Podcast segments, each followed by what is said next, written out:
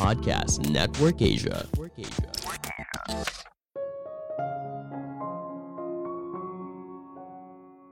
Jangan cari cara untuk cepat kaya, tapi cari cara agar bisa kaya dalam waktu yang lama.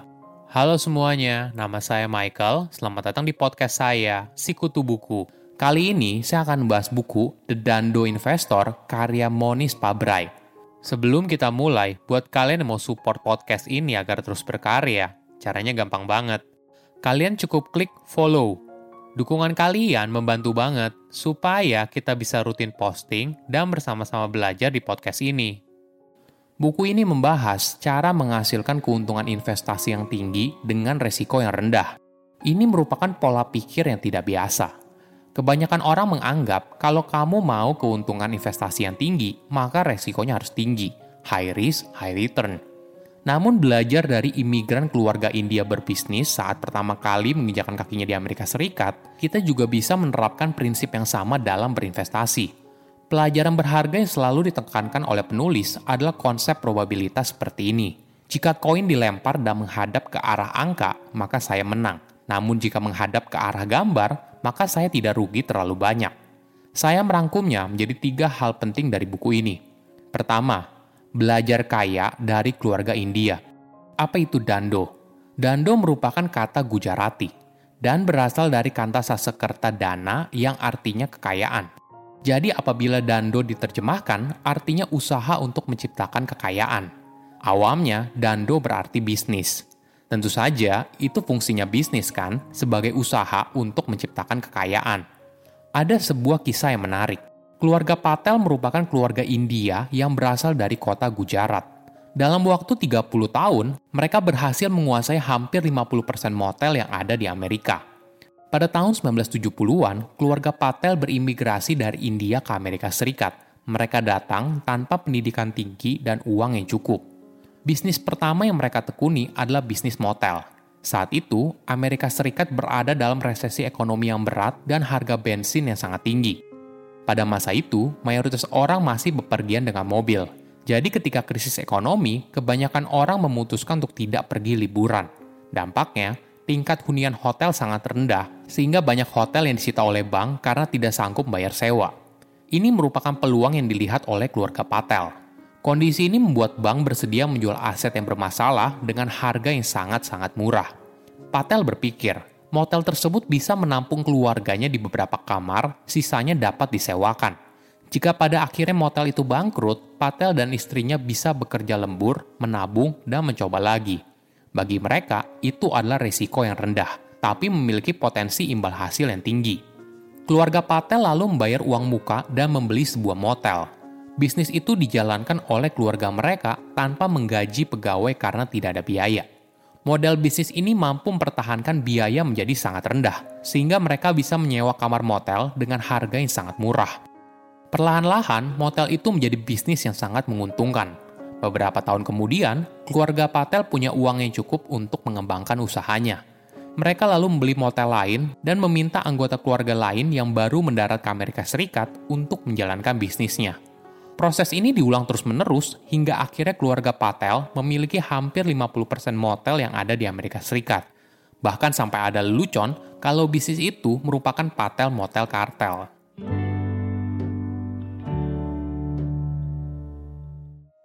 Kedua, pelajaran investasi yang berharga. Apa pelajaran investasi yang bisa kita ambil? Pelajaran pertama yang ditekankan oleh penulis adalah fokus untuk membeli bisnis yang sudah ada – Belajar dari kisah keluarga Patel, mereka tidak membangun model bisnis yang baru. Bisnis mereka mengikuti yang sudah ada, menyediakan kamar bagi tamu. Perspektif ini tentunya memiliki resiko yang lebih rendah daripada startup dengan ide baru yang belum tentu teruji kebenarannya. Prinsip ini yang membuat penulis punya tagline, Heads I win, tail I don't lose much.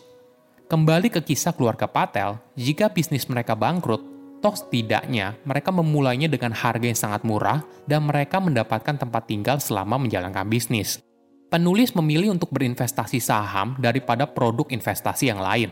Menurut penulis, jika dilihat dalam periode 100 tahun, saham merupakan produk investasi dengan kinerja yang lebih baik daripada produk investasi yang lain. Bukan hanya itu, Saham merupakan cara termudah untuk memiliki sebuah bisnis. Ketika kamu membeli saham dari sebuah perusahaan, kamu memiliki bagian dari perusahaan tersebut. Pelajaran kedua, pilih model bisnis yang mudah dimengerti dan sedikit perubahan. Menurut Warren Buffett, perubahan merupakan musuh utama dari investasi.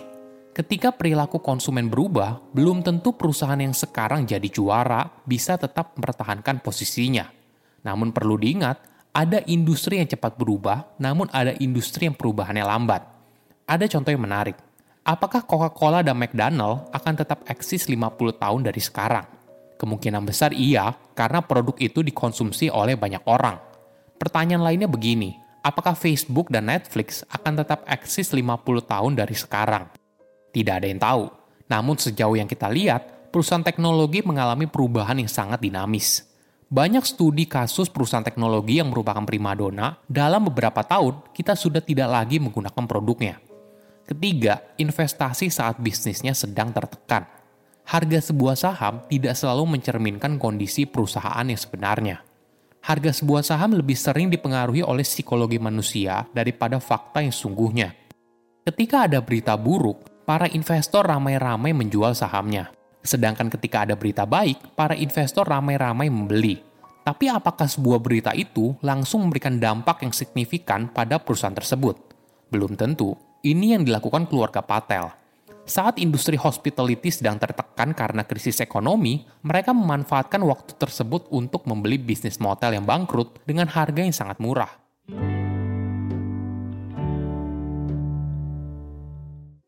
Ketiga, keanehan dalam investasi ada informasi yang menarik. Pasar saham sering kali kesulitan untuk membedakan antara ketidakpastian yang tinggi dengan resiko yang tinggi. Ketika rasa takut yang ekstrim muncul, kemungkinan besar manusia akan berperilaku irasional. Pada tahun 1963, American Express mengumumkan kerugian sebesar 60 juta dolar ketika mereka baru tahu kalau jaminan 60 juta dolar dari minyak salat itu sebenarnya hanyalah air laut. Hal ini membuat pasar saham memerah, harga saham American Express langsung anjlok. Ketika banyak investor beramai-ramai menjual saham mereka di American Express, Warren Buffett mengambil langkah yang berbeda. Dia percaya kalau nilai sesungguhnya dari American Express jauh lebih tinggi daripada harga sahamnya saat itu.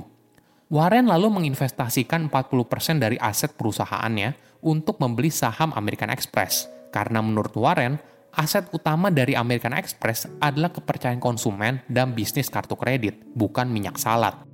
Sama halnya ketika keluarga Patel berbisnis motel.